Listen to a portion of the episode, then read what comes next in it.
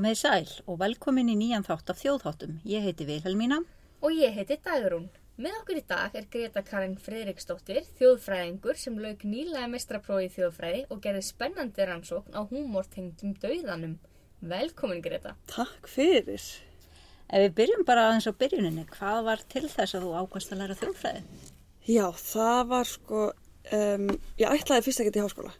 Ég var bara með eitthvað svaka mótráa og bara, nei, ekki séns því ég kláraði mentaskóla.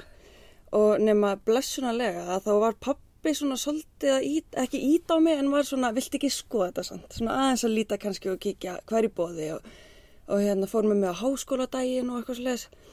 Og ég sótti um í nám sem var ekki þjóðfræði. Og svo hérna um, bara eftir, þegar var, þetta var alveg að fara að byrja, skólinn, mm -hmm. Að þá fekk ég bara eitthvað svona aðra tilvistakrappu og var bara nei, þetta er ekki það sem ég vil gera og fór að skoða meira bara á netinu. Mm. Og hérna því að ég var að skoða í smá stund og þá brakst ég bara á þjóðfræði og ég fór að skoða áfangana og ég bara svona býtu, er þetta bara til í alverðinu og bara trúði ekki, þú veist, það var svo ótrúlega mikið aðna sem voru bara áhugamál mín, bara norræn trú og alþjóðleikning og líkvæmsmenning og íslenski þjóðættir og svo mikið mm -hmm. og ég bara, ég fekk eitthvað svona vá, þetta tjóka og þannig að ég bara sótti um og sé ekki eftir því í dag. Þannig að ég raunin, þetta var bara eiginlega skyndi ákveðin að fara mm -hmm. í þjóðfræði og bara, já. Já, og hérna mitt námsframbóðið og námskeiðin sem kannski heitluði þig. Já, það var bara það, ég skoðaði bara kjenslusgrana og sá hérna það sem var í bóði og bara eiginlega trúði ekki að þetta voru gott til að vera satt mm. en svo bara kom það í ljós og þetta var bara svona gott. Já. Það er mjög gott. Mm -hmm. og svo ferðu í gegnum þjóðfræðinámi Já. og skrifar bíja rannsókn mm -hmm. um hérna hreinleiti í gamla sveitsamfélaginu, eða ekki? Jú, í Torbæum, jú. Og það, sko, ég hef alltaf haft mikinn áhuga á gamla tímanum. Þannig ég var eiginlega alltaf vissum að ég ætlaði að skrifa rítgerð sem var svona að fara á hlöðuna að grúska en ekki taka viðtölu þannig. Og einhvern veginn bara man sko ekki alveg hvernig að byrja ég byrja að tala um hreinleiti en ég, það var eitthvað svona loðaði við mig gegnum allt námið. Eitthvað hvort að það hefði verið bara í efnismenningunni eða eitthvað sem að ég ákveði hérna að skrifa um hreinleiti í sambandi við eitthvað svona tímaritt eða eitthvað svolítið mm. og hérna og svo einhvern veginn bara var hreinleiti bara fylgdiði mig svolítið og líka þú veist gamla sveitasamfélagi mm. og svo einhvern veginn bara var það að því að úr var þessi rittgerð bara um hreinleiti í Torbæðan Og segð okkur aðeins frá því. Já. Hreinleiti eða óhreinleiti? Það er nefnilega spurningin og það er sko eiginlega bara svona sem ég læði upp með, bara hvað er hreinleiti mm og hvað er óhreinleiti og þú veist, hver hefur rétt fyrir sér. Og ákvað að uh, skoða þrjú mismunandi sjónarhóttn á hreinleiti í Torbæðanum. Skoðaði íslenska mentamenn og Haldur Lagsnes og svo einhverja lækna og, og svona einhverja flotta kalla mm -hmm.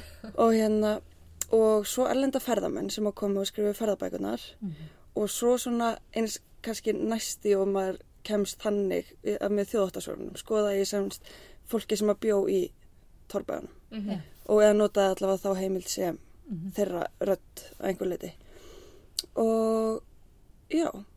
Og var hérna munur á þessum sjónarhóttnum? Mjög mikill. Mentamenn og ferðamenni voru með svona svipað. Voru bara átt ekki orð yfir það hvað Íslandinga væri skítugir og bara ferðarmenninni bara trúði ekki þessum kaninu hólum sem að fólki bjó í og það var bara illa lyktandi og bara stu, skildu ekki bara fólk geti lifað þarna. Þú veist það var ekki bara dáin og skít og veikindum. Mm. Og mentamenni svona svipaður svona nú þurfum við aðeins að ríða okkur í gangu og ætlum að vera þjóð meðal þjóða hérna svo þetta er orðið bara vandræðilegt mm -hmm. en svo sko þetta að því að já, einmitt í alþjóðleikningum að þá skrifa ég líka rítgerðum bergla mm. til að finna og langaði að skoða svona hvað var notað gegn berglum þegar þeir voru sem mest mm. og sá að það sem kom oftast fyrir í skoðaði með þjóðvættasverðin meðal annars var hreinleitið. Að það var það sem að virka best gegn berglunum og það var svona pínu líka sem ég notaði í rítgerninni, notaði hérna frásagnina frá því þegar að fólk var að tala um að hreinleitið myndi virka best gegn berglunum mm. og þá í rauninni náttúrulega sama hreinleitið og mentamennur og ferramennir voru að segja að væri bara ábúðnátt og hræðilegt. Mm -hmm. þannig að þetta var svona svona niðurstaðan væri rauninni bara fyrir eftir því hver horfir á hreinleitið og hver er að tala um það, hvernig það er. Já, Þannig að það er svona samfélagslega mótu þessi viðhorf okkar til hreinleitis Nákvæmlega og, og nákvæmlega og bara þú veist fyrir eftir hvað þú ert á hvaða tíma og hvað þú elst uppið og bara svo mikið sem spilar inn í hvað einhvern veginn svo mótar þína endalegu skoðun þannig að þetta er bara svo huglegt hvað mm -hmm okkur finnst hreinlætið. Þannig að já, það var svona útgangspunkturinn. eins og við kannski séð bara hjá okkur sjálfum á síðustu árum talandi um náttúrulega hreinlæti tengslu við berglana og núna Mhm, hreinlæti tengslu við nákvæmlega. COVID þar sem við erum bara með spritt á heilanum sko. En nákvæmlega, og ég var um þetta að pæla í þessu hérna um daginn í sammyggi við hérna COVID. Með þú veist að kannski eftir 100 ára eitthvað og fólk eftir að hlæja okkur fyrir að vera bara, bara með grímur og spritt eða eitthvað og veru, komið eitthvað allt annað. Já.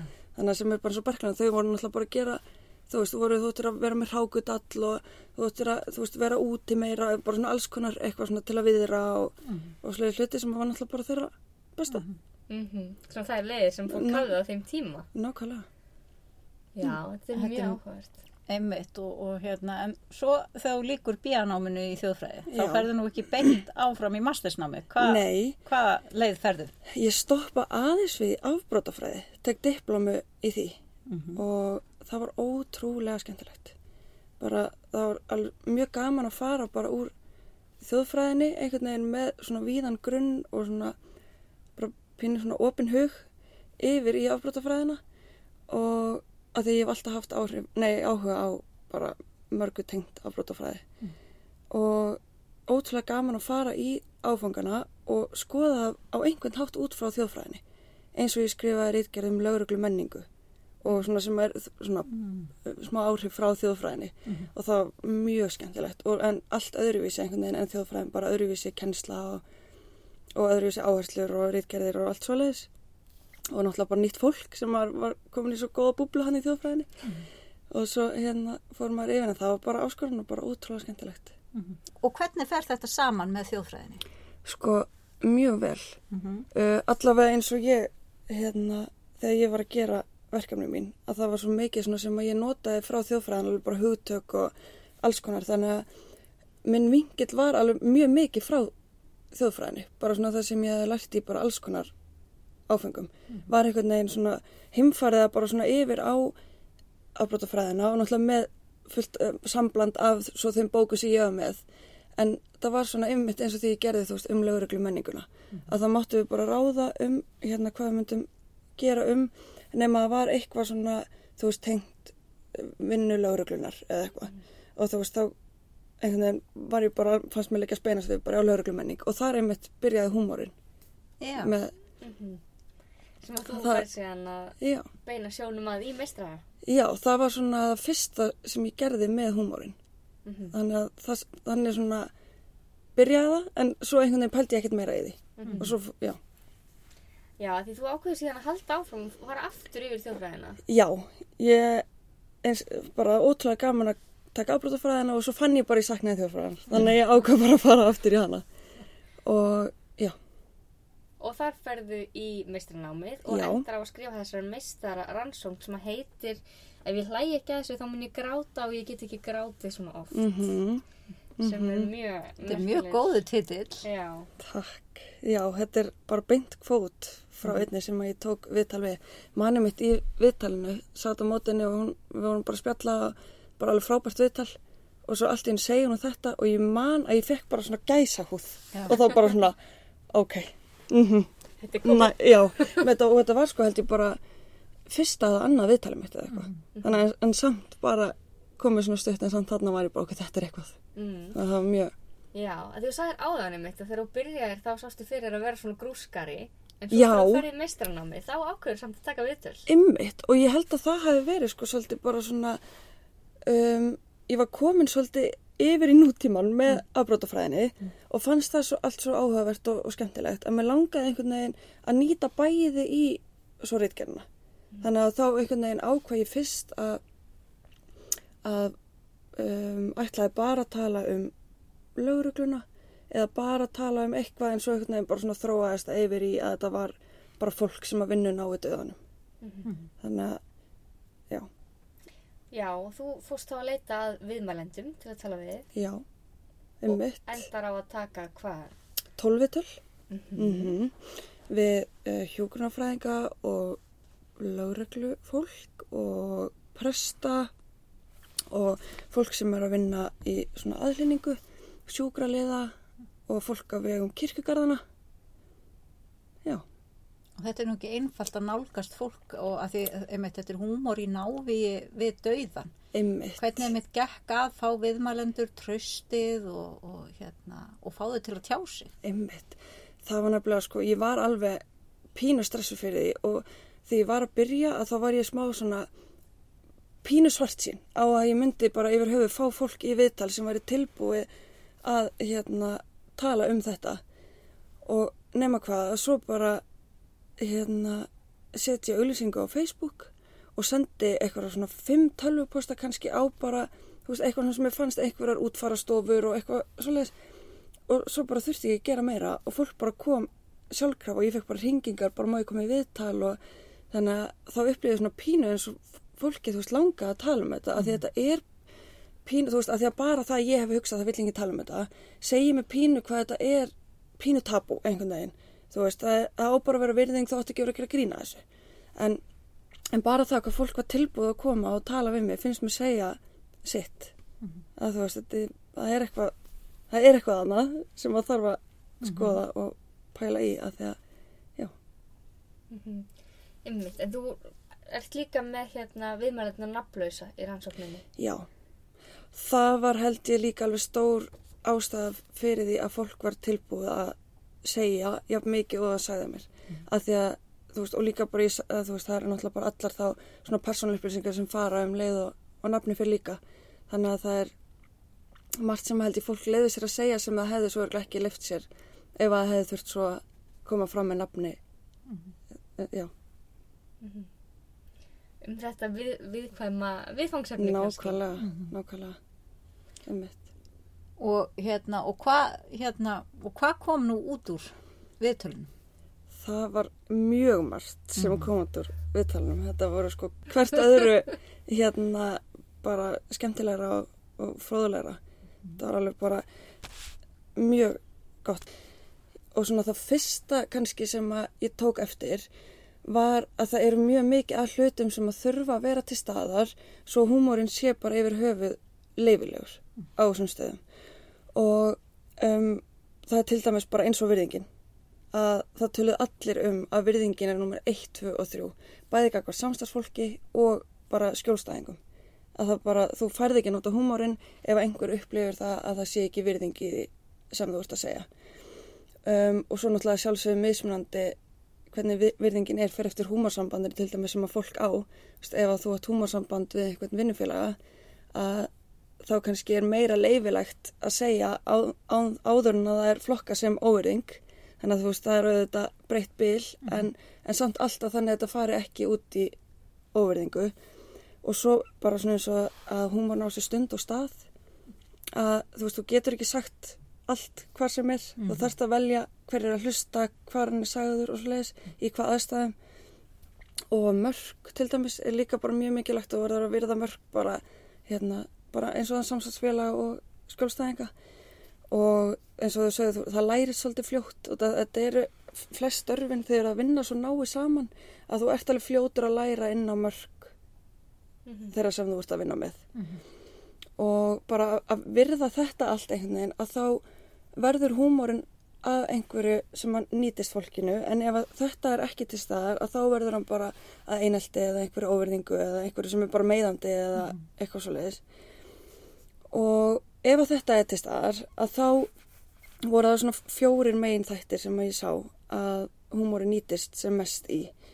Og það svona í fyrsta lagi er það að uh, til að opna á samræður að hún var notaður til að vera svona ákveðin ísbrjótur. Mm -hmm. þegar það er þú veist mikið og mjög margt sem þarf að ræða í svona störfum sem er bara erfitt. Mm þú veist hvort sem að sé við aðstandendur eða, eða við hérna einhvern sem er mjög veikur, likur á dánabeði eða eitthvað svo leiðist þannig að þá einhvern veginn um, húmórin þá töluðu margir um það að þú ert búin að eiga svona pínu djókmoment þó að það sé bara pínulítið mm -hmm.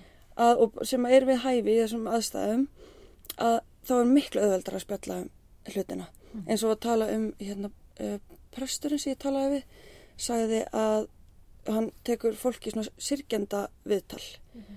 og það sem hann er að tala um hvernig jarðaförun á að vera hvernig hérna, það sem hann segir hvað, þau, hvað hann vil að þau segi að hann segi. Og hérna og ef að þau eru einmitt búin að eiga svona þó svo sé bara eitthvað pínulítið pínulítið grín að þá var, gengur bara fundurinn miklu betur. Þú veist þá bara myndast eitthvað svona pínu tröst og verður svona meiri samstaða og, og sliðis hann, hann svona hjálpar og líka bara til að halda hérna, samræðanum gangandi. Það er líka mikilvægt veist að hafa svona pínu húmor. Og en svo náttúrulega auðvitað sjálfsögur þetta eins og með allt annað, það fer eftir stund og stað og, og mörg og sliðis hvað er viðand og hvað ekki. En, en svona heilt yfir að þá er ef húmorn er og líka bara eins og fólk sem er að vinna saman og eins og því að talaði við hérna, fólki í lauruglunni að þú þau lendi í ykkur ræðilegu atviki koma svo kannski inn í bílan aftur og þurfa að einhvern veginn ræða atviki kannski fóru eitthvað úrskeiðis eða hefði mátt bæta eða eitthvað sliðis að þá ef að það er sagt með svona pínu grín ífafi að þá er miklu auðveldara að koma því orð og svona þægilegra að líka taka mótið að þú þurfir ekki einhvern veginn að vera undir einhvern skömmum en svona pínu svona smá grín. Og svo var það uh, til að fá útrás fyrir svona erfiða tilfinningar. Um, bara þú veist það er náttúrulega svo ótrúlega atvikin sem þetta fólk lendir í bara, aðdáðanavert það sem að þau eru að upplifa eða það sem að þau þurfa að upplifa í vinnunni. Og hérna þannig að með húmórnum fá þau útrás sem að fyrir tilfinningar sem annars myndu bara setjast, setjast á sálina og bara festast þar. En í staðin að þá er húmórin einhvern veginn svona leysir þar upp þannig að þá hérna, þurfa, þarf þetta ekki einhvern veginn svona að fylgja þeim þannig að þetta er svona eins og pínu leysæfni fyrir svona erfiðu tilfinningarnar. Og svo var það að aftengja sig um erfiðum aðstæðum bara allar þær aðstæður sem að fólkið lendir í enn og aftur um, bara eins og ef að þú hérna ert nýbúin að lenda í að koma að sjálfsmorði eða banaslýsi eða einhverjum bara slíkum aðstæðum sem er náttúrulega bara svakalega erfitt og tekur á. En þegar það er einhvern veginn yfirstaðið og ef þú notar húmor að þá verða svona aðstæðarna sem þú varst að lenda í pínu óraunverulegri mm. svona nærða aftengja því því sem að var að gerast því svona erfiða sem þú varst að upplifa og þá verður raunveruleikin svona pínu fjarrri með húmornum, fatti Mm -hmm. Já, algjörlega. þannig að skapar ákveðna fjallægð nákvæmlega býr til svona pínu vegg á Mhm. milli þess sem var að gerast þú veist, raunveruleikans og svo bara því sem að þú ætlar að vera að hugsa núna einhvern veginn þannig að þetta er náttúrulega bara sí endurtekin atvik hjá svo ótrúlega mörgum. Þannig að einhvern veginn var alltaf og sem er einmitt heitið á ritgerni vísa svolítið í þú veist, annars myndi ég bara alltaf gráta yfir því sem ég var að lenda í en þú veist, ég hlæ bara í staðin og þá þarf ég ekki að gráta og það er svona pínu veggurinn sem að húmórin býr til sem að gerir raunveruleikan óraunverulegri.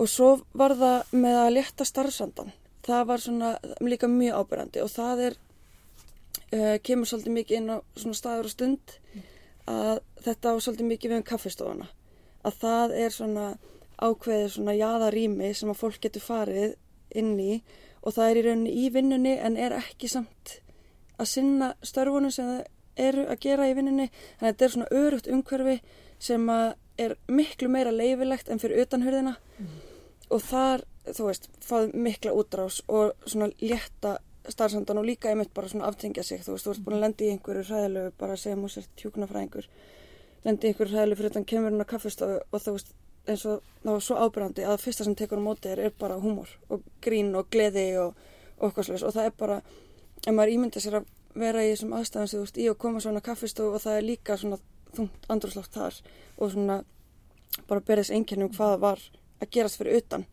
Þú veist að það eins og bara undantekningalöst fólk sagði að þau gæti ekki starfa í þessu nema ef það væri ekki fyrir húmórin. Og það var bara og svo mismunandi hvernig fólk notur húmórin og hversu mikið og í hvað aðstæðum og svoleiðis en það var bara, þú veist, það voru held ég þrýr viðmældur sem að segja bara ég myndi segja upp strax. Ef ég mætti ekki nota hann. Þú veist, ef að það væri ekki leifilegt í menningun að nota húmor, að það bara gæti ekki vera þarna. Þú veist, þá myndi maður bara gefast upp eftir smástund að því að væri svo mikið sem maður myndi bara kvíla á manni og setjast á manni og þetta væri bara of þungt að bera þú veist, allir erfileikarnir sem að þú lendir í, en einhvern veginn með húmornum að nærðu svona aðeins að íta því í burtu. Já, þannig þetta er greinilega mjög mikilvægt fyrir fólk. 100% alveg sko mjög mikilvægt. Og var, það var svo ábærandi hvað þetta væri mikilvægt, þú veist, að því að fólk talaði um þetta bara sem svona ómissandi part af starfinu. Og sem að bara síndi svo mikið hvað þetta væri bara, já, ekki hægt að vera þannig að Já, þú lýsir þessu einmitt í reitgerni sem bjargráði. Þetta Já, er bara einmitt. bjargráð fyrir þetta starfsfólk sem Einmitt. kemur að og bara eh, hérna er, er hjá fólki sem er að lenda í stæstu áföllum lífsíns Einmitt. og hérna þetta er einhvers konar bjargráð og úrvinnsla að, að takast á við það. Einmitt, nákvæmlega eins og þú segir úrvinnsla að það er líka stórt hlutverk sem að húmornum er bara svona að vinna úr tilfinningunum þegar þú ert búin að lenda í erfið átöki kemur inn í lauruglubílinn að það ertu að djóka að því að þá ertu að fá útrás og ert ekki að bara fastur í þessum erfiðu tilfinningum sem að voru fyrir utan lauruglubílinn og, og það, þetta er svo, svona áhugast að pæla í þessu með þetta að því að það er svo margir sem myndir tólka þetta sem svona óvirðingu að vera með þetta grín. En ég bara eftir einhvern veginn að hafa gert rittgerna að þá bara gæti þetta ekki verið minni óverðing þú veist að þetta snýst ekkert um, um fólki sem var að lenda í atvikinu eða, eða þú veist þetta er ekkert persónulegt. Þú veist þó svo að það komi kannski eitthvað grín um atvikið sem var að gerast að þá er þetta samt ekki persónulegt. Þetta er bara svo að fólki bara meikið að vera að vinna í þessu starfi. Og það hvað þetta er mikilvægt bara já, Og þar kemur einmitt inn á þetta sem þú nefndir hérna líka, það, er samhengið sem þetta er sagt í, sem, Mhm. sem húmórin kemur fram í og tröstið, Mhm. tröstið þannig Einmitt. þeirra sem er að deila nákvæmlega því að- eða bröndurunum eða nákvæmlega að því að þú veist húmorn eins og er þarna er bara notaður til góðus að því að svo er náttúrulega bara heil heimur og húmor sem að þú veist fólk væri bara bjánar fyrir að nota þú veist ef að þau væri bara í einhverjum skelfilegum aðstæðum og væri að nota húmor þar um eða þú veist það, það er náttúrulega bara allt annað dæmi. Að það, væri náttúrulega bara og það myndi heldur ekki líðast. Það væri bara ekki samþykkt. Þú veist þetta er á þeim hérna í- öruga umhverfinu eða ef þú hérna átt einmitt þetta húmorsamband sem að er svona um, samband sem að veitir þér ákveði leifi til að um, nýta húmorinn.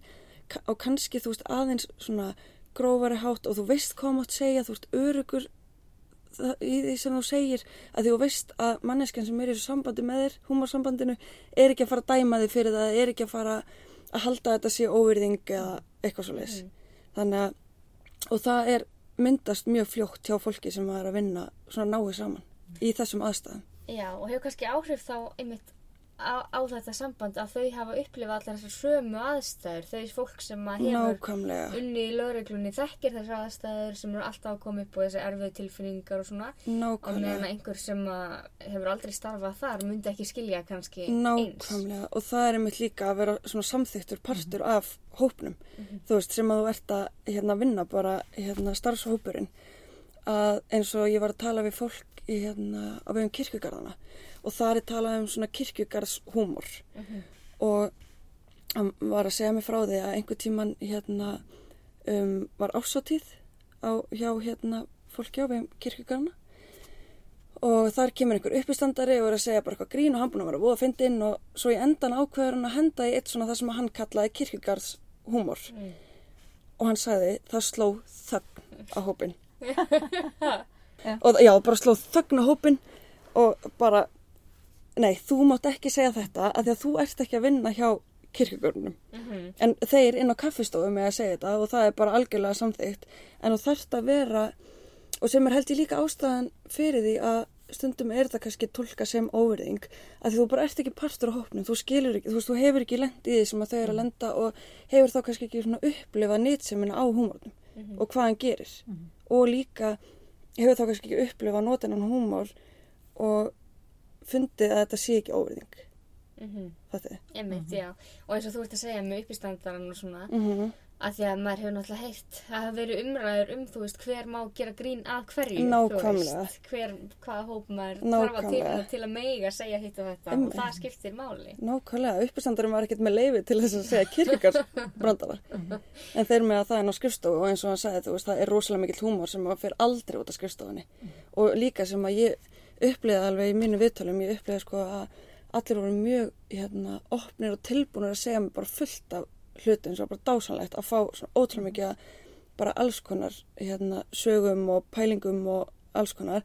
En svo fann ég samt líka alveg að það var fullt sem að ég fæ ekkert að vita og líka bara sem að ég virti bara, þú veist, ég er ekki partur af þeirra hóp þannig að það er bara helling sem að ég fæ ekki að vita en það var ég kannski ekkert endilega að fiska eftir einhverjum húmorstæmi meira svona nótkunna og tilgangin og, og svoleiðis þannig að það var líka allt í lægi að þú veist, ég var ekkert eitthvað að meira íta það en, en ég þurfti svæsnustu brandarana þurftir þá ekkert. Nei, þó svo ég hef fengið alveg svæsna brandara en þá held ég samt að það sé margt sem að Mhm. ég fæ ekki að vita En svo er það einmitt hérna, áskorun við að rannsaka sagnamennsku og kannski húmóra einmitt eins og þú bendir á.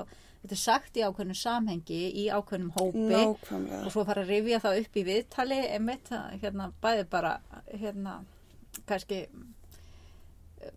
já, sögurnar eru sagðar í þessu samhengi og kannski ekki Nákvæmlega. sagðar í viðtali eða? Nákvæmlega og kannski þú veist ef að ég myndi fara svo áfram í að rannsaka eitthvað svona húmórin sjálfan meira, þú veist, hvaða húmór þetta, hvernig, veist, notar hann hvað er sagt og þú veist, meira einblín á það að þá þyrfti ég held ég bara að vera að fluga á vekk sko, Mhm. að því að annars er svona til að fá bara alveg akkurat upplifun, að því þetta er einmitt í svo svona venduðu Mhm. umhverju og fer ekkert fyrir utan það, svona flest. Þannig að En mér finnst ákveðið merkilegt að, að hérna, viðmælenduðin er að, að þeir gerðu sér grein fyrir þessari, hérna, hvað getur maður sagt, þessum áhrifum húmósins, að hann hefði þessa, svona, þessa, þessa lausn fyrir þau eða úrvinnslu. Finnst það mjög áhugavert. það er það mjög áhugavert og, og bara eins og þessir hluti sem ég var að segja áðan með að fá útrás og opna á samræður og þetta var bara svona sameili þemu bara í lang flestum viðtölunum og bara sem að fólk, þú veist, orðaði þetta mismunandi hátt en samt náði að tengja saman að því að eins og þú segir, þau voru öll svo meðviti um hvað þetta væri mikilvægt þannig að það, já, það er mjög mjög áhugavert, Mhm. Einmitt. góð punktur. Maður svona, já, að því að húmor er stór merkilegt fyrirbæri. Mm og hérna, og kannski alveg fólk líka sem áttar sig ekki á því hversu merkilegt það, því svo skýlir fólk sér líka ofta bak við að hittu þetta sé bara grín og svona, þú veist, nákvæmlega. En hann getur haft þessa virkni og svo getur hann verið valdatæki og alls Ná- konar, Ymmit. Og það er held ég svona það sem að um, ástæðan fyrir það mér fannst ég þurfa að gera, þú veist að það er bara sér kapli í rítkjarni sem er í rauninni þessi undirstöðu atrið sem þurfa að vera á hreinu eins og virðingin og mörkin og það að mér fannst að þurfa að vera með sem svona grunnur áður en hitt kæmi að því að ég er bara að tala um húmórin sem er innan þess ramma í rauninni.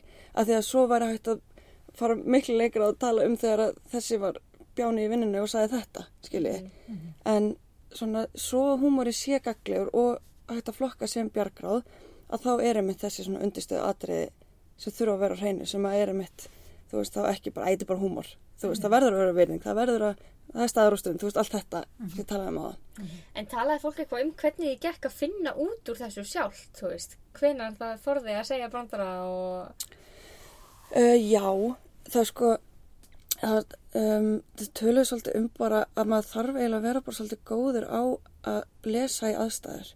Og ég held að það sé bara svolítið sem maður þarf að hafa til að sinna þessu störfum bara til að byrja með. Já, einhvern veginn bara hvað maður segja hvenar og hvernig á ég að haga mér og, og svo leiðis en ég held að húmórin bara svona falli pínu undir það einhvern veginn að bara lærir að lesa á aðstæðunar og svo náttúrulega eins og ég sagði á þú veist, þú lærir líka á hérna, samstarfsfólkið þitt mhm, hvað það segir þú náttúrulega þegar þú byrjar á stað og kemur inn í ákveðna menningu og þar kannski lærir þú líka bara svona af óskrifu reglunum hvað má segja og hvað ekki. Og svo myndar það kannski ennþá betra húmarsamband við einn og þá getur þið sagt meira og minna við hinn og svo var líka svolítið talað um hérna að uh, svo var aldur líka og svona kyn sem að spilaði inn í mm -hmm. þú veist eini kallmar en eina konan að þá var það svona pínu virkaði ekki alveg eins um, og já. Mhm. Einmitt, sem er nú kannski að því að misjöf kynskipting í þessum stjettum og svona, ymmit, Og það er svona dýnamík sem skapast í hópnum. Já. Þarf að lesa í. nákvæmlega nákvæmlega. Og sem að held ég bara að lærist alveg svolítið fljótt. Þegar þú ert búin að vera eins og þú veist mörg vinna 12 tíma saman á dag þú veist í marga dag í viku. Þannig að þetta er svona, vinna svo mikið og svo náið saman að ég held að þetta sé, eða töluðu um að þetta væri svo fljótt að, að svona lærast. Já. Þetta er magnað líka bara að því að maður eins og þú segir getur ekki ímyndað sér hvernig er að vera aftur og aftur í svona svakalegum aðstæðum sko. Nákvæmlega og það var einmitt sko svona pínu líka það sem að kveikti áhugan á reitgerðinu. Ég var að tala um ákona mína sem að sagði mér að hún var að pæla í hvaða námi hún ætlaði og var að pæla að fara í læknin eða sálfræði eða eitthvað svo leiðis og svo sagði hún bara en ég veit samt í alveg ekki hvort að ég geti verið í vinnu sem ég upplifi svo reglulega að fólk sé að upplifa svona vestu daga Mhm. og ég var bara vá, hvernig gerir fólk það? Mhm. eða þú veist, bara að lenda bara ítrekað í svona aðstæðum bara í- sama hvaða starða er sem að er náðu döðanum Mhm. að þú veist, döðin náttúrulega það er svo mikið sorgi kringum hann og erfileikar og, og allt svo leiðis og líka kannski tabú einmitt, tengist um þetta má svo ekki gera grína eða þykir eðlilegt eða óeðlilegt að gera grína? Nákvæmlega nákvæmlega. Þannig að ég bara já, ákvaði kjölfæra þeirri svona samræðin en að fara að skoða meira. Þessi störun var að vísa ekkert með húmórin strax hann kom aðeins setna þegar ég tók fyrsta viðtalið mitt og ákvað bara fyrst ætlaði ég sko að skoða bara svona bjargráð þú veist hvaða bjargráð hefur fólk? Og svo í lokin á hérna, fyrsta viðtalinu mínu að að ég var að tala um hjókunarfræðing og ég sagði við hann að ég er búin að heyra eitthvað pínu um húmor. Að það sé svona til staðar. Og hún bara uff ef þú bara vissir. Og það var svona líka kveikin að því að húmórin kom svo meira inn í og það var bara ótrúlega skemmtilegt að, að hann hafi fengið að koma. Já, Svona hann með- hugmyndið þróaði svona að hérna já, fór í þennan farveg. Nákvæmlega. Byrjaði svona miklu viðara og svo einhvern veginn fór ég í hérna húmórin og bara ákveðna starfstéttir sem væri nána döðan eða starfa náðu döðan Já, og líka svo áhört með þessar starfstéttir að þeir dekka svo e, langt svona, þeir dekka allan hringin í kringum Einmitt. döðan að því þú ert með hana kirkjugarstarfsfólkið og svo ertu með Mhm. spítalarstarfsfólk og þú veist, og fólk sem er að koma að skyndilegum nákvæmlega, þannig að þetta svona dekkar mjög vel þetta róf sko. nákvæmlega alveg þú veist bara frá því að vera annarkvort hjókunarfræðingur eða ummennar á elliheimili eða eitthvað svo leiðis Mhm. þegar döðin er svona pínu aðsíi Mhm. og svo einhvern veginn þegar hann er að gerast þú veist, hvort sem þessu löggur að hjókunarfræðingar eða eitthvað svo leiðis svo eru prestarnir og svo fólki í kirkugunum en þetta er svona pínu svona frá upphafi til enda svolítið og, þú- og ég upplegaði það alveg og gerði í svona smá skili í rítgerðinu að þetta væri svona ólík hérna nálgun í starfunum á döðan þú veist það var svona mismunandi aðstæður en samt einhvern veginn verða þær allar að einu af því að þær eru allar tengdar döðan þó svo að það sé á mismunandi hátt. Þannig að þetta var, var bara að einum hérna hóp í rauninni. Allar tengt af döðanum og nota allar húmor. En nákvæmlega, nákvæmlega. Hérna va- var eitthvað sem kom þér sérstaklega á óvart í þessari rannsókn og viðtölunum? Um, já, sko bara í fyrsta lagi hvað fólk var tilbúið að segja mér. Það kom mér alveg mikið óvart. Uh, það kom mér óvart hvað uh, fólki fannst þetta bara ómessandi. Af því að ég náttúrulega vissi lítið sem ekkert um húmórin í þessum starfstættum áður en ég byrjaði. Og svona í gegnum ferli þegar ég var að sjá meira og meira hvað þetta var bara órjúvanlegur hluti af starfinu, það kom mér mjög óvart. já, það er líka bara mjög merkilegt sko. ég er sammála því að, hérna, að því ég held að þetta geti verið áskonum að fá fólk til að segja sögurnar og, og segja frá Emmitt.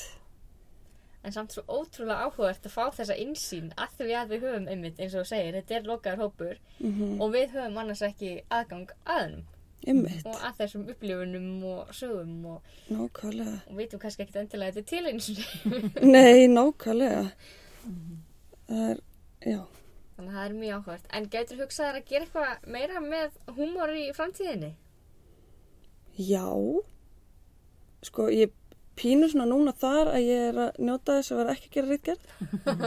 en alveg, alveg bara pottitt. Ég væri alveg til að skoða þetta eitthvað meira og fara eitthvað, þú veist, finna einhverja nýja vinkla á þetta og að því að núna, þegar maður er búinn að taka svona viðtöl og skoða þetta, að þá finnst manni í staðin fyrir að bara, já, ok, ég er búin að gera þetta mikið, að þá er bara vákaði mikið meira til, þú veist, af bara öllu þessu, bara, og þá kannski að fara meira, þú veist, í húmórin sjálfan, þú veist, hvort það sé mismunandi húmór á milli staða, húmórnótkunnin þá, eða bara, að, já, svo mikið meira í búði, þannig ég held að það væri brótilega gaman að, að skoða eitthvað meira. húmósrannsóknir eru líka alveg vettfangur sem ég held að þóli meiri rannsóknir.